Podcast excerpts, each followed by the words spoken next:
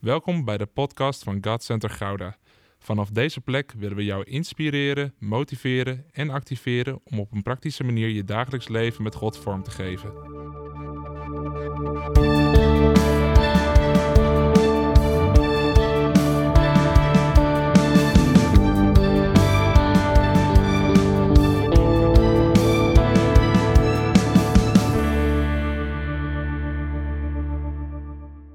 Zo, goedemorgen lieve gemeente. Hoe is het hier? Goed, frisjes, maar goed. Verfrissing van de Heilige Geest hopelijk ook. uh, pastor Jeroen, ontzettend bedankt. En uh, ook uh, pastor Petra. We zijn dankbaar voor de, voor de vriendschap die we in de loop der tijd aan het opbouwen zijn en die we hebben. En de momenten dat we met elkaar connecten. En uh, ja, het is gewoon heerlijk om, uh, als je elkaar spreekt, dan uh, laatst ook bellen we elkaar en dan praat je zo'n uur weg, zeg maar. En dat is mooi. Um, en dat is belangrijk, dat we connecties en contacten hebben, ook binnen het lichaam van Christus, amen. En um, ja, we zijn dankbaar voor, voor wat God hier in Gouda aan het doen is. Het is echt prachtig, het is echt bijzonder. Het is niet dat elke kerk die ergens maar begint, direct al zoveel mensen trekt. Uh, dus op een of andere manier, Gods hand is, uh, is op Gouda en op de gemeente, God Center Gouda. En dat is mooi. En ik denk dat God ook uh, deze morgen ook wil gaan spreken. Um, ja, wat hij verder hier in deze stad wil gaan doen. Um, en dat is de reden waarom we hier ook bij elkaar zijn. Omdat jullie ook geloven met elkaar. Dat jullie niet alleen maar leuk bij elkaar zitten. Um, als de volle setting er natuurlijk daar is. Maar dat jullie hier ook zijn met een missie, met een doel. En dat is goed om dat altijd voor ogen te houden. Um, nu is het gevaar natuurlijk in deze tijd waarin we nu leven, deze hele crisis. Ik ga dat niet helemaal nog weer opnieuw noemen, want ik denk dat jullie het al zo vaak gehoord hebben. En jullie, we zitten allemaal in hetzelfde schuitje, dus niemand heeft nog behoefte, denk ik, aan een uitleg van waar we precies in zitten.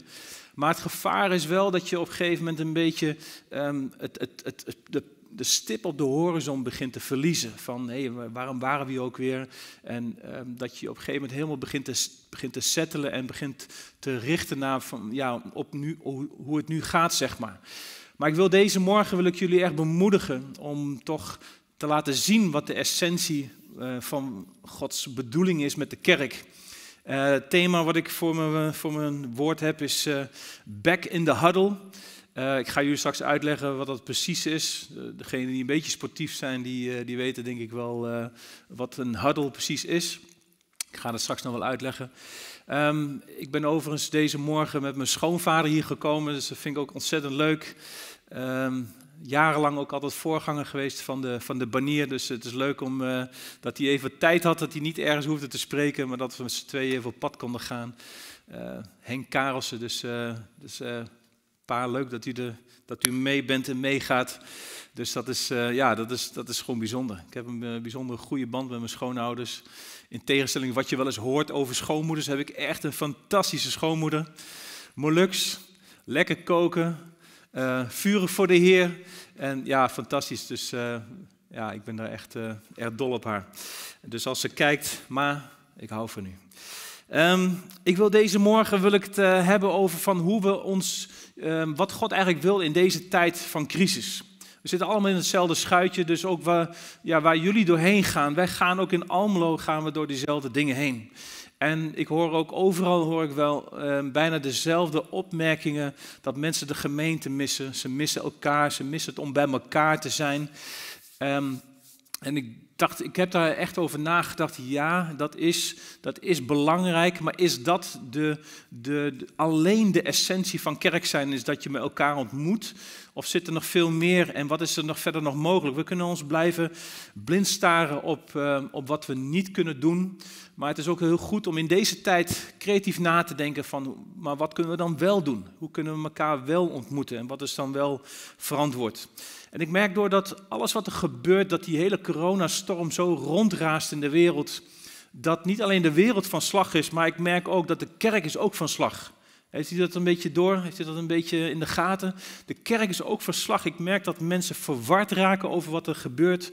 Het probeert te interpreteren van, van, van wat er allemaal in de tekende tijd, daar allemaal, hoe, wat voor een plek we dat moeten geven. Mensen die urenlang op het internet op zoek zijn naar antwoorden en verklaringen. En de een die wordt er depressief van, de andere wordt daar boos van, wordt er opstandig van. En en anderen die dwalen af en beginnen in passiviteit terecht te komen. Die hebben zoiets van, nou ja, ik wacht wel even tot het allemaal overgeraasd is. En veel mensen roepen dus van, ik mis die samenkomsten en die fellowship met elkaar. En de gevolgen voor de kerk is denk ik enorm. Je ziet aan de ene kant zie je mensen die um, het echt moesten hebben van die ene zondag in de week. En eigenlijk wat ze deden is dat ze um, ja, en die ene zondag die ze dan hadden in de week, waar ze dan echt God ontmoeten, waar ze gevoed werden door het woord, die zijn ze nu ook al kwijtgeraakt. En eigenlijk is dat ook wel heel bijzonder dat sommige mensen geestelijk gezien maar één keer in de week gaan eten. En dat teren ze dan, denken ze, de hele week teren ze daarop. Dus eigenlijk is het zo dat ze, um, dat zijn die mensen die ook geen connectgroepen bezoeken, niet naar de gebedssamenkomsten gaan, maar die komen één keer in de week komen ze, komen ze naar de kerk. En dat wordt er nu ook afgenomen. En eigenlijk hebben die mensen geen door de weekse relatie met God, lijkt het, maar een zondagsrelatie. En ik, ik, ik omschrijf dat het zijn mensen die, die lopen al jaren met een, met een lekke band, rijden ze. En iedere zondag komen ze naar de kerk om het door iemand anders te laten oppompen. En dan kunnen ze de week kunnen ze weer, kunnen ze er weer mee door, totdat ze de volgende zondag merken, hé, band is weer leeg. En dat is, dat is voor die mensen is het, is het, denk ik, deze crisistijd funest. De mensen die geestelijk misschien al wel goed gegeten hebben in de jaren, die teren nog op wat ze, wat ze in, in hun relatie met God hebben geïnvesteerd, wat ze aan het woord van God hebben ontvangen, die dreigen nu ook passief te raken. Die zitten zondag in, zondag uit, zitten ze op de bank, flippen ze van kerkdienst naar kerkdienst, van de ene online preek naar de andere online preek. En ja, die proberen op die manier nog een beetje wat voeding eigenlijk te, te ontvangen. Je hebt mensen die pas bekeerd zijn, waar ik me het meeste zorgen over maak, eerlijk gezegd. Die dan niet goed in staat zijn om die onvervalsde melk zelf te kunnen nuttigen. En die zelf in staat zijn om zich te kunnen voeden. Die mensen die ook het internet afstruinen en, en, en alles maar bekijken wat los en vast zit, of het nou goed of slecht is. En dat maakt me ook zorgen over. Die zijn vaak ook, vallen ze ten prooi aan allerlei dwaalleringen. En dat ze niet kunnen onderscheiden van, is het wel oké wat er hier eigenlijk op het internet te vinden is. En daarnaast heb je ook mensen die gewoon geestelijk wel echt volwassen zijn. Die sowieso iedere ochtend gewoon God zoeken, stille tijd houden. Tijd nemen om het woord te lezen, zichzelf voeden. En die eigenlijk ehm, niet direct helemaal in de put uh, terechtkomen omdat ze op zondag niet meer naar de kerk kunnen gaan. En die sowieso iedere dag iets bovennatuurlijks van God verwachten. En weet u, we zijn uiteindelijk zijn we, zijn we allemaal zelf verantwoordelijk om zelf te gaan eten. Ja? Je kunt niet van pastor Jeroen iedere dag verwachten dat hij bij jou komt of dat hij je belt en dat hij je een korte bijbelstudie geeft. Of dat hij jou de Bijbel gaat voorlezen en dat hij bij jou voorgaat in gebed. Je zult zelf zul je, je relatie met God moeten gaan zoeken. Iedere ochtend opstaan, Hem zoeken. Ja, maar het is zo vroeg. Man, Hij is de schepper van hemel en aarde. Is Hij het niet waard om daar iedere morgen voorop te staan om Hem te ontmoeten? En iedere, iedere dag gewoon gevoed zijn door het woord.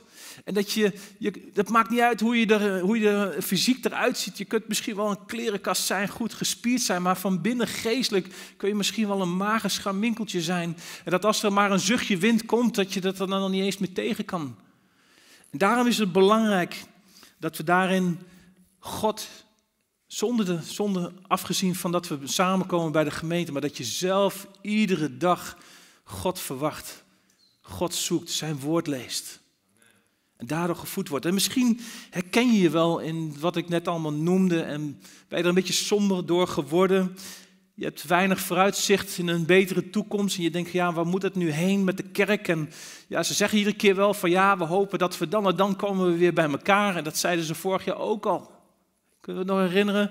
Toen hadden we de hoop en, en het leek erop dat we weer het eind van vorig jaar, dat we weer gewoon bij elkaar konden komen. En in één keer kwam die keiharde lockdown kwam er weer overheen. En die trok alles weer uit elkaar. En je merkt dat het gewoon, dat, ja, dat de fun in het leven ook een beetje begint weg te appen. En veel jongeren die kampen op dit moment met depressies en zelfs en met burn-out klachten. En die weten ook soms niet waar ze het moeten zoeken. Nu kunnen we een heel klaagzang en een klaaglied gaan houden over hoe ernstig het allemaal is en wat er allemaal, wat er allemaal mist. Maar wat is nu de oplossing? Wat moeten we dan nu gaan doen met al die beperkingen die er misschien zijn? Want God is toch bij machten om dit allemaal te kunnen tegenhouden. Ik weet, er waren profeten die, die vorig jaar al hadden gezegd, toen het net begon, um, uh, tegen de tijd, um, ze zeiden het dan in, in het Engels, Amerikanen die zeiden, with pass over, it will pass over. Dus ze dachten dat met Pasen, dat is wel een hele leuke, mooi gevonden woordspeling, maar na Pasen was die corona er nog steeds. Maar God is bij machten toch om dit te kunnen tegenhouden. Amen. Wie gelooft dat? Steek even je hand in de lucht. Yes, God is bij machten om deze hele corona met, zijn, met de knip van met zijn vinger, om dat te kunnen stoppen. De psalmen zeggen ook dat God dat hij alles onder controle heeft. Dat alle koninkrijken, dat, hij, dat alles onder zijn heerschappij is. Dat er niks wat er op aarde gebeurt, gaat buiten hem om. En hij is bij machten om dit te kunnen tegenhouden en om het tijd te kunnen keren voor deze wereld. Maar op een of andere manier. En waarom? Laat God het toe. En waarom? Daar kun je heel veel discussies over houden, maar we moeten het vooral ook gewoon accepteren dat God het blijkbaar toestaat. En waarom die toestaat, daar kunnen de meningen over verdeeld zijn. Maar wat ik wel weet is dat we er vertrouwen in kunnen hebben dat Hij weet wat hij doet. Hij weet waarom Hij dit toelaat. En dit is ook de beproeving misschien ook voor de kerk waar we nu doorheen gaan. En weet je, ik denk dat we, Winston Churchill die zei iets moois, never waste a good crisis. Dus met andere woorden, laat nooit een goede crisis, laat dat verloren gaan. Want God is bij machten om zelfs door een crisis, om nieuwe opportunities te geven, om nieuwe kansen te bieden aan de kerk van Jezus Christus. En ik geloof dat dat, dat is wat we mogen gaan doen. Volgens mij is het in het Chinees het, woord, het karakter, het woordje van crisis, kunnen twee dingen betekenen. Het is aan de ene kant is het een levensbedreigende situatie, maar aan de andere kant wordt datzelfde woord ook gebruikt voor een nieuwe kans. Wauw, dat is vet. En weet je, en ik geloof dat God, God, God zal God niet zijn, dat Hij ons een nieuwe kans wil geven. En dat Hij, ten diepste denk ik, ligt het, woord, ligt het antwoord van deze vraag gewoon in Gods woord. Niet in de nieuwste model van kerk of hoe, hoe kunnen we het nu misschien het, het flitsend zo inrichten en nu kunnen we het flitsend zo inrichten. Maar het antwoord ligt in het woord van God. En ik geloof dat in essentie dat we in ten diepste denk ik dat God twee dingen zegt met deze hele crisis. En dat is dat hij zegt, ik wil jullie aandacht. Alle gekheid even weg. Geen concerten, geen events, geen voetbalwedstrijden eh, waar je heen kunt gaan om met elkaar te juichen voor Ajax of voor, weet ik veel, wat is die hier, Feyenoord of zo? Ik weet het niet. FC Gouda, ik heb geen idee joh. Maar goed, in ieder geval, ik, het, het lijkt alsof God zegt van alles, alles even stil. Ik wil jullie aandacht. Ik wil dat jullie op mij gefocust zijn en niet op de situatie en op het waar, we allemaal doorheen gaan. Alleen jij en ik, s'morgens vroeg, door het woord, zonder alle toeters en bellen. En dat we gewoon Hem daarin mogen zoeken. Dat is de eerste. En ten tweede is dat Hij terug wil naar de essentie van de kerk.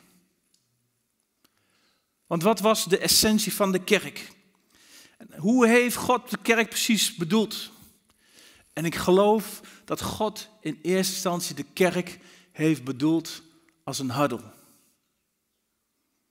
Ik ga jullie proberen uit te leggen wat een huddle is voor degene die het niet weet. Als een huddle.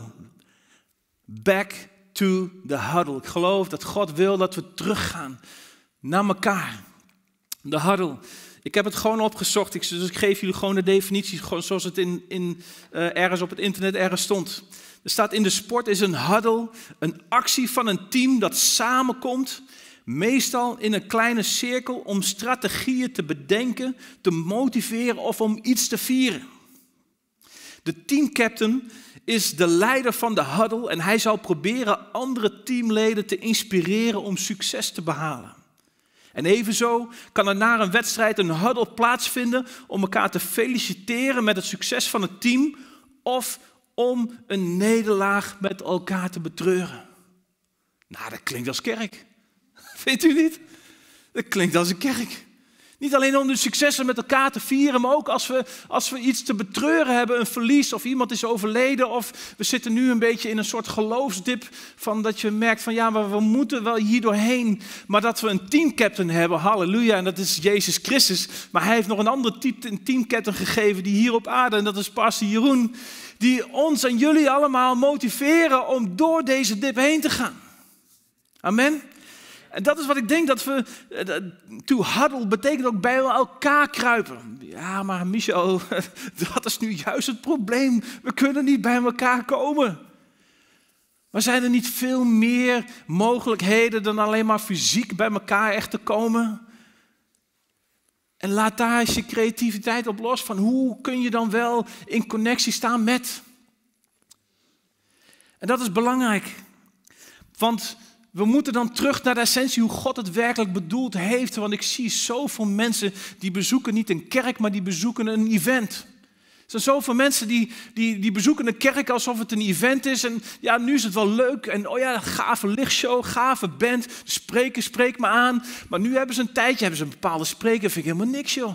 Ik ga, weet je wat? Ik ga gewoon naar een andere kerk toe. Oh ja, daar hebben ze wel een, een nog toffere band en een nog vettere spreker. Ik ga daar naartoe. Maar dat is in essentie geen kerk zijn. Je bent een bezoeker. Je bent geen onderdeel van. En dat is hoe God het bedoeld heeft. Dat we elkaar nodig hebben. God zei al in Genesis, het is niet goed dat de mens alleen is. Hij had in essentie had hij al door dat wij elkaar nodig hebben. Dat toen die Adam daar zag, zag rondlopen en dat hij al zag dat alle dieren, dat hij een mannetje en een vrouwtje was, dat hij naar zichzelf keek, ja maar ik ben alleen. En dat was natuurlijk in het kader, in, in, in, in, het, met het aspect van het huwelijk misschien, maar in de essentie is het zo dat de mens niet bedoeld is om alleen te zijn. We zijn een sociaal wezen. En we hebben elkaar meer nodig dan dat we denken. We hebben gedacht dat we elkaar niet nodig zouden hebben. Ja, maar ik en God, eh, het is toch genoeg. En ik heb persoonlijke openbaring van God. Mooi, prachtig. Weet je wat God nog meer heeft gezegd? Dat je elkaar nodig hebt. Heb God lief boven alles en je naaste als jezelf. En hoe kun je iemand lief hebben als je gewoon jezelf helemaal niet geeft? En daarom zou ik ook graag willen kijken naar Handelingen 2, vers 42. Daar wil ik straks, ik ga daar, ik ga daar straks ga ik het voorlezen, maar dat mag je alvast opzoeken. Daarin zie je de essentie van de kerk, hoe God het bedoeld heeft. Dat is het leven van de eerste gemeente. En wat eigenlijk mooi is, je ziet daar in Jeruzalem, we kennen natuurlijk dat hele verhaal van die opwekking op die Pinksterdag, dat de geest van God uitgestort werd op al het vlees, zoals de profeet Joel al, had geprofeteerd. En dan zie je daar eigenlijk het blauwdruk zie je van die eerste Huddle Community Kerk. En daar lees je iets over, over hoe het daar intern, hoe het leven van de eerste gemeente was. Later zie je in handelingen dat dat zich verplaatst naar Antiochië. En daar zie je eigenlijk meer de, de, de outreach kant van de kerk, de apostolische kerk. Dus hier zie je eigenlijk een blauwdruk van de community kerk. En in Antiochië zie je dan een blauwdruk van de apostolische kerk. En dat is ook wat God Center is. Jullie zijn geroepen om allebei te zijn. Om een community apostolische kerk te zijn. Amen. Zo kijken man. Oké, ja, ja, jij zegt het. Ik geloof erin, halleluja. Was hier ook, gelukkig.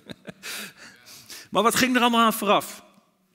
De Pinksterdag, uitstorting van de Heilige Geest. Je moet je voorstellen, er kwamen Joden van, van heiden en ver vanuit allerlei landen. Waren, ieder jaar waren ze gewend om op de om, om, om met Pinksteren naar Jeruzalem te gaan, om samen met elkaar dat Pinksterfeest te vieren.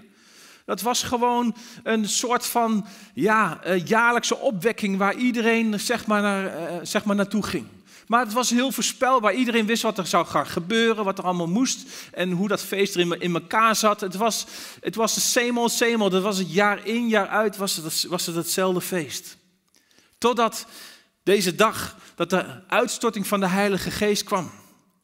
En dat ze begrepen van Petrus dat dit de belofte was die de profeet Joel had gegeven. Dat, dat het ten dien tijde dat, dat uh, op al het vlees het de geest van God uitgestort zal, zal gaan worden.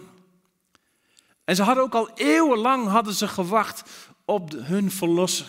En eeuwenlang hadden, waren de profeten die hadden geprofeteerd dat de verlosser zal komen die het volk zal gaan bevrijden. En de ellende was dat deze Joden, en misschien kwam het omdat ze in, vanuit andere landen kwamen, maar die waren diep in hun hart geraakt, staat er. Ze waren diep in, in hun hart geraakt over de uitleg die Petrus gaf van wat er daar op dat moment allemaal gebeurde. En ze zeiden, maar wat moeten we dan doen, mannen broeders? Moet je voorstellen, duizenden Joden die dan gewoon helemaal in awe zijn van wat daar gebeurt op die dag. En ze hadden blijkbaar al die jaren dat Jezus op aarde was en die drieënhalf jaar dat hij in de bediening was, hadden ze hem niet herkend. En ze verwachten een soort van David-type op een, op een paard met een zwaard en die het volk van Israël zou gaan bevrijden van de, van de Romeinen. Maar wat ze zagen was eigenlijk een man die eigenlijk op een ezel reed en die een, een, een, een waskom had en een, en een doek. En die eigenlijk nederig van hart was en die zei van, heb je vijanden lief?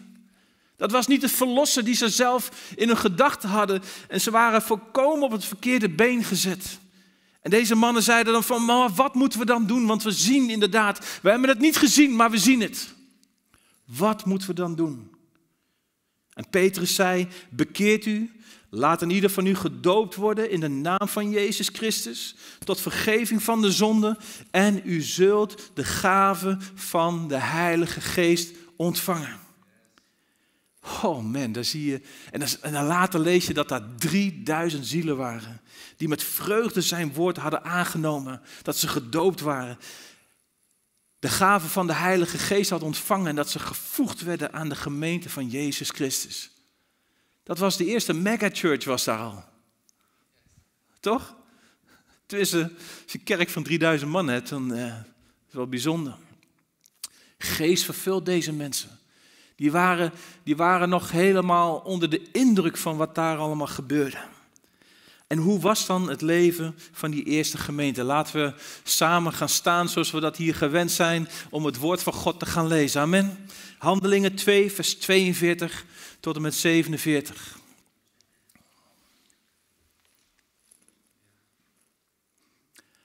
Handelingen 2, vers 42 tot en met 47. En er staat, en zij volharden in de leer van de apostelen en in de gemeenschap. Fellowship vind ik een mooiere woord. En in het breken van het brood en in de gebeden. En er kwam vrees over een ieder. De vrezen van God die kwam daar. Als ze daar al niet hadden gezien, als daar de vrezen van God al niet was, maar in de kerk was daar de vrezen van God, die kwam over een ieder. En er werden veel wonderen en tekenen door de apostelen gedaan. En alle die geloofden waren bijeen en hadden alle dingen gemeenschappelijk. En ze verkochten hun bezittingen en hun eigendommen en verdeelden die onder allen nadat ieder nodig had. En ze bleven dagelijks eensgezind in de tempel bijeenkomen. Terwijl ze van huis tot huis brood braken, namen ze gezamenlijk voedsel tot zich met vreugde en in eenvoud van hart. Ze loofden God en vonden genade bij heel het volk. En de Heere voegde dagelijks mensen die zalig werden of die gered werden aan de gemeente toe. Wauw, wat een gemeente. Amen. Zou je ook niet bij zo'n gemeente willen horen? Amen. De gemeente die verspreidde zich als wildvuur. Echt, het was, het was, dus je ziet hier dat 3000 mensen kwamen tot geloof. Maar de tweede samenkomst die Petrus had, kwamen er 5000 mensen tot geloof. En er werden steeds meer mensen werden er toegevoegd. En het was onvoorstelbaar. Er werd van alles gedaan om de mensen te vertellen van wat Jezus aan het doen was. En er staat ook in, in, in heel handelingen lees je dat, dat, dat de mensen helemaal uh, ontzet waren. Dat ze zelfs ten strengste bevolen werden om niet meer in de naam van Jezus deze leer te verkondigen. Want u hebt met deze leer heeft u heel Jeruzalem vervuld, staat er. Goeiedag. En het woord van God verbreidde zich en het aantal discipelen in Jeruzalem nam sterk toe. En de gemeenten in heel Judea en Galilea Samaria hadden vrede en werden opgebouwd. En ze wandelden in de vrezen des Heren en de vertroosting door de Heilige Geest. En namen in aantal toe. Het aantal dat geloofde nam toe en nam toe. De historici en geleerden die vertellen dat er binnen zes maanden na Pinksteren dat er honderdduizend gelovigen waren. Dat is opwekking, lieve mensen. Amen. Dus daarin zie je dat wat daar, je leest daar iets wat, wat, wat daar in die eerste gemeente gebeurde, maar je, je ziet dat dat, dat, dat zo'n enorme uitwerking had. En dat het zo'n bedreiging was eigenlijk niet alleen maar voor de traditioneel religieuze Joden, maar ook voor de Romeinen. En die eerste gemeente die veroorzaakte grote onrust en ook een wereldwijde revolutie. En je ziet ergens anders dat er geen, er wordt er gesproken over dat er op die dag was er geen geringe opschudding. En dat mensen verstoorden de orde in de stad staat daar. Alles werd geschud. Alles wat daar, wat daar normaal was, wat, wat vanuit de tradities en vanuit de rituelen iedere keer maar gebeurde, dat werd zwaar verstoord door wat door de eerste, eerste gemeente allemaal aan het doen was. En het wordt op een gegeven moment wordt er ergens gezegd in, in Handelingen 17, deze mensen die de wereld in rep en roer hebben gebracht. Oh, wauw, echt, dus die zijn ook hier gekomen. De wereld toen was in rep en roer. Maar er was rust, vrede en blijdschap in de huddle. Dat is mooi, hè? Dat moet ook niet vergeten, want je kunt misschien denken van, ja, maar die mensen, ja, zware opwekkingstijd, denk je, die, man, die mensen die hadden God aan hun zijde, was gewoon veel makkelijker dan dat wij het nu hebben. Hoor. Maar we hebben het over de tijd van de overheersing van de Romeinen, de tijd van keizer Nero. Keizer Nero was een bijzonder vrede keizer was het. Dat was een keizer die christenen letterlijk als levende fakkels in zijn tuin zette, omdat hij graag zijn tuin wilde verlichten, s'nachts. Dat was keizer Nero. Die christenen gewoon voor, levend voor de leeuwen gooiden en die gewoon opgevreten werden. Dat was keizer Nero. Weet je wat me opvalt?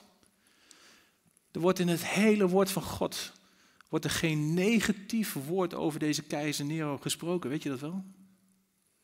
Er wordt geen negatief woord gesproken over de overheid waar ze zich aan onderwierpen. Soms heb ik daar zo moeite mee hoe wij het, in ons hoofd halen, zeker als christenen, dat we zomaar over Mark Rutte van alles nog wat kunnen gaan zeggen.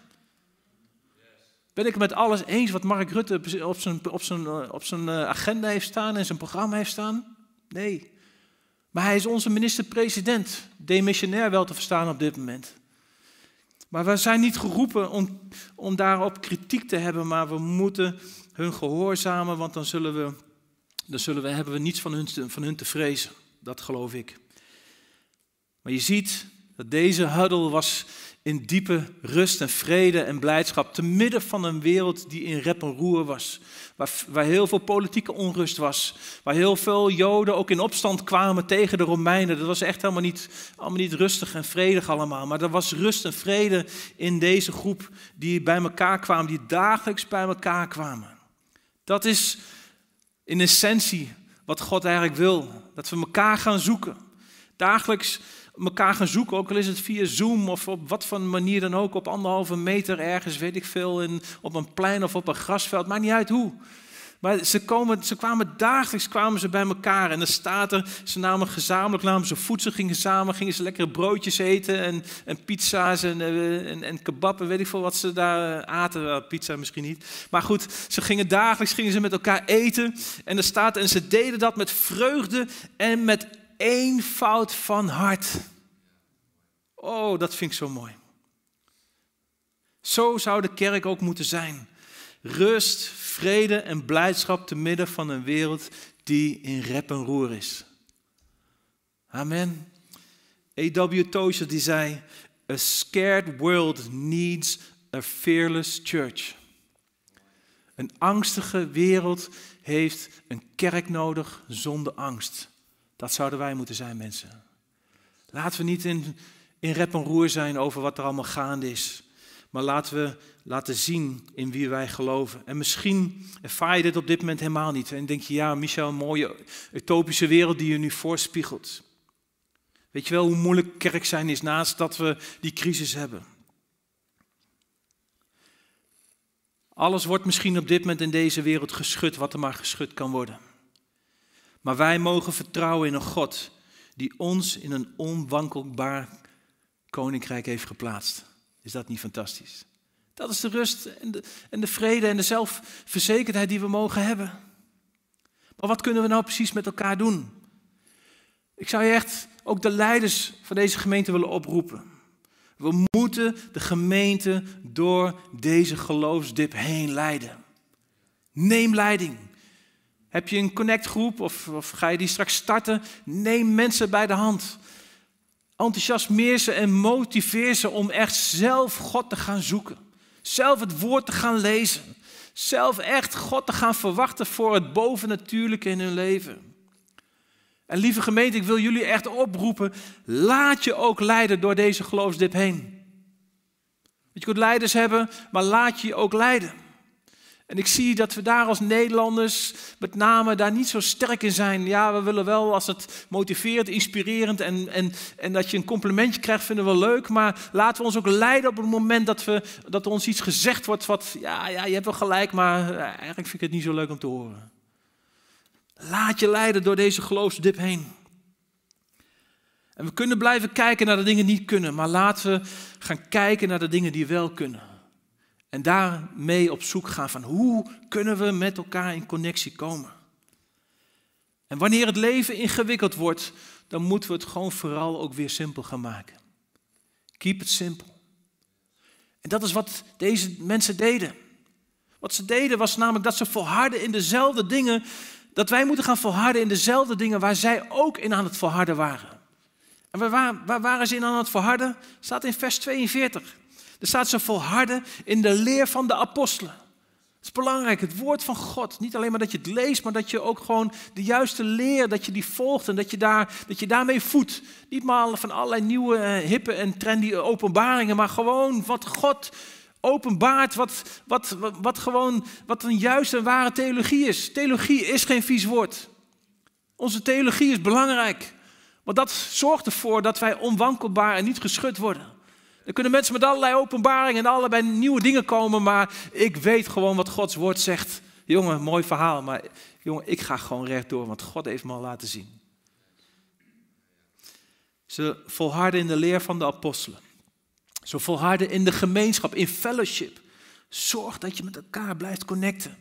Zoek een buddy op om mee te gaan bidden. Lees het woord van God. En ze, en ze volharden ook in het breken van het brood. Het avondmaal, het vieren, teruggaan naar de essentie. Wat we vanmorgen ook hebben gedaan. Wat pastor Jeroen deed. Van, dat we gaan leren van waar het allemaal om draait. En ze volharden in de gebeden. Weet je wat het is?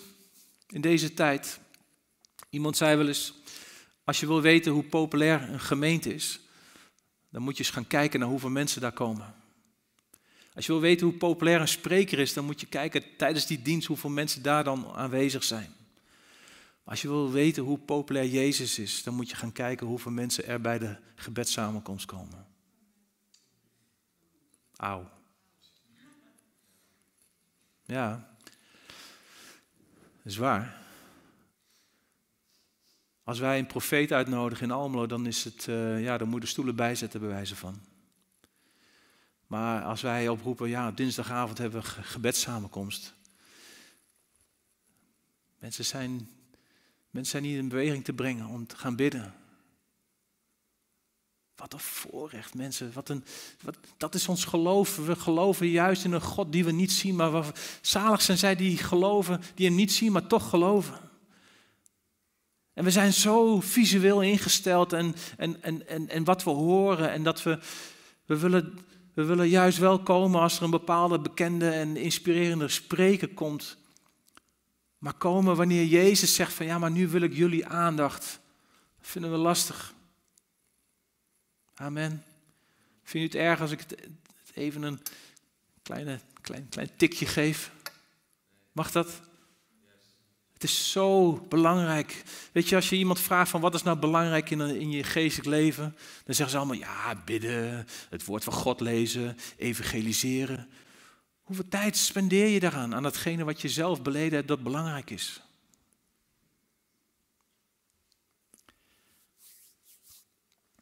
Ik geloof dat dat is wat hij wil. Dat we volharden en dat we betrokken raken in die huddle. Dat we de onderlinge bijeenkomsten niet moeten verzuimen. Ook de mensen die kijken thuis. Ik weet gewoon, en misschien kijk je nu ook wel en heb je toevallig net deze zondag wel ingeschakeld. Maar ik weet ook in gemeentes, mensen zijn aan het flippen. Ze zijn van kerkdienst online naar andere kerkdiensten aan het flippen.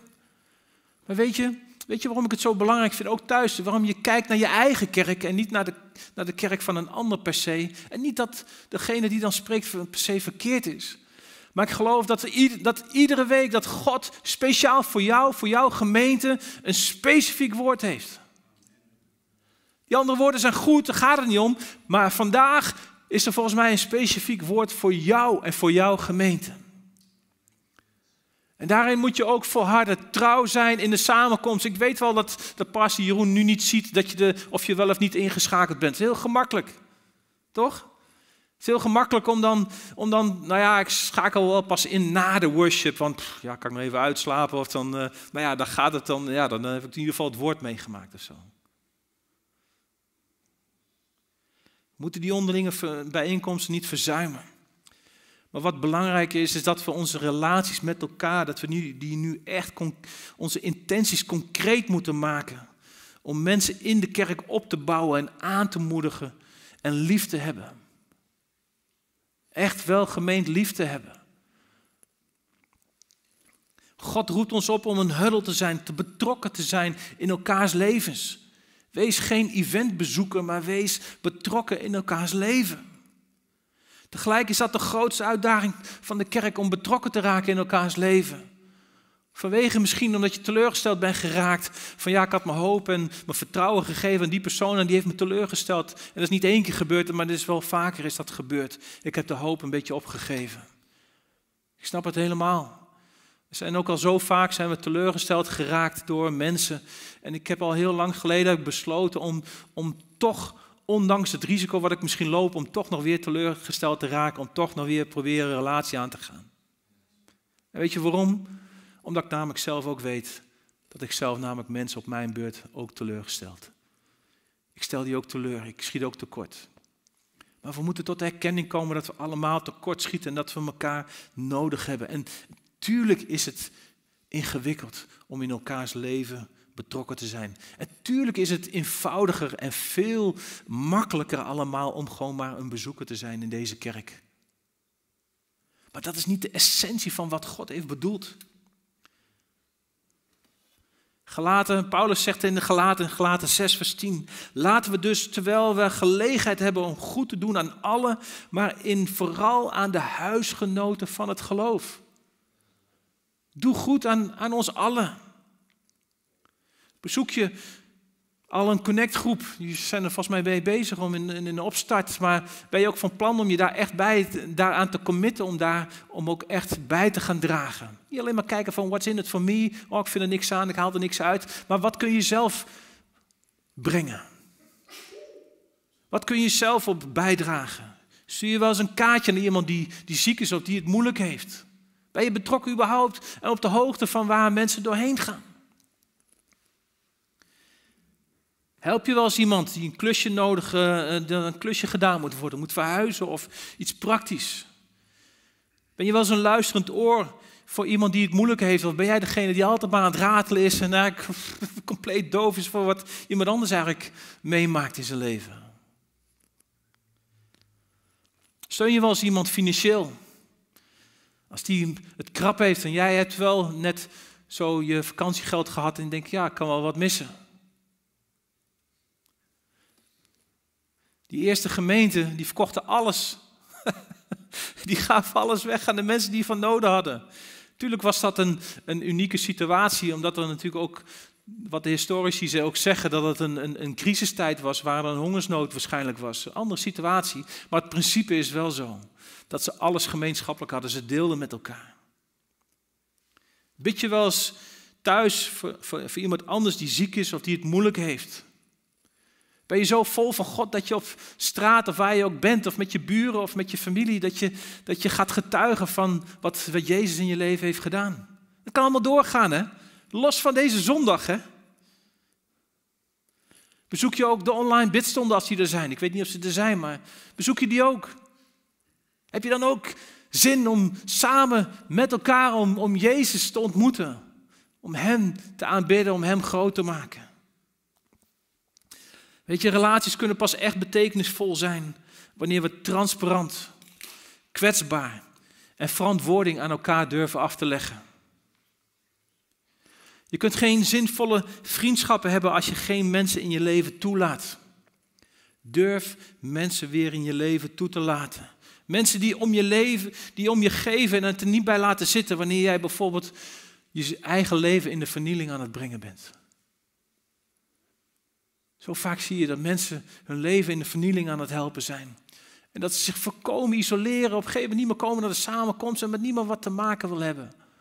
Laat mensen toe. Ik weet dat het soms pijnlijk is, maar er zijn zoveel mensen die echt om je geven en die je verder willen helpen. Dat is terug en zijn in de huddle. De kerk wordt de plek te zijn waar we geliefd bemoedigd en aange, aangemoedigd dienen te worden. Maar ook waar we opgevoed moeten worden. Amen. De plek waar we echt, echte betekenisvolle relaties aangaan. Waar we transparant en kwetsbaar en verantwoording durven af te leggen aan elkaar. We zijn geroepen om in deze huddle relatie met elkaar te hebben. Dat is wat Jezus zei en daar wil ik mee afsluiten. Ik wil vragen of ook de band wil komen. We zijn geroepen om in deze relaties echt elkaar lief te hebben. Dan pas zullen we impact hebben op deze wereld. In Johannes 13, vers 35, daar zegt de Heer Jezus, hierdoor zullen alle inzien dat u mijn discipelen bent, als u liefde onder elkaar hebt. En dat gaat wat verder dan uh, dat je zegt, hé hey broer, hey zus, ik hou van je. Ja, dat is mooi en dat moeten we ook meer zeggen. Maar iemand liefhebben is niet iets wat je zegt, maar liefhebben is een werkwoord. Dat betekent dat je verbonden bent, dat je echt betekenisvolle relaties hebt, dat je in elkaars leven connecties hebt met elkaar. Dat is een huddle. Een huddle is dat je ingehaakt met elkaar in een kring staat.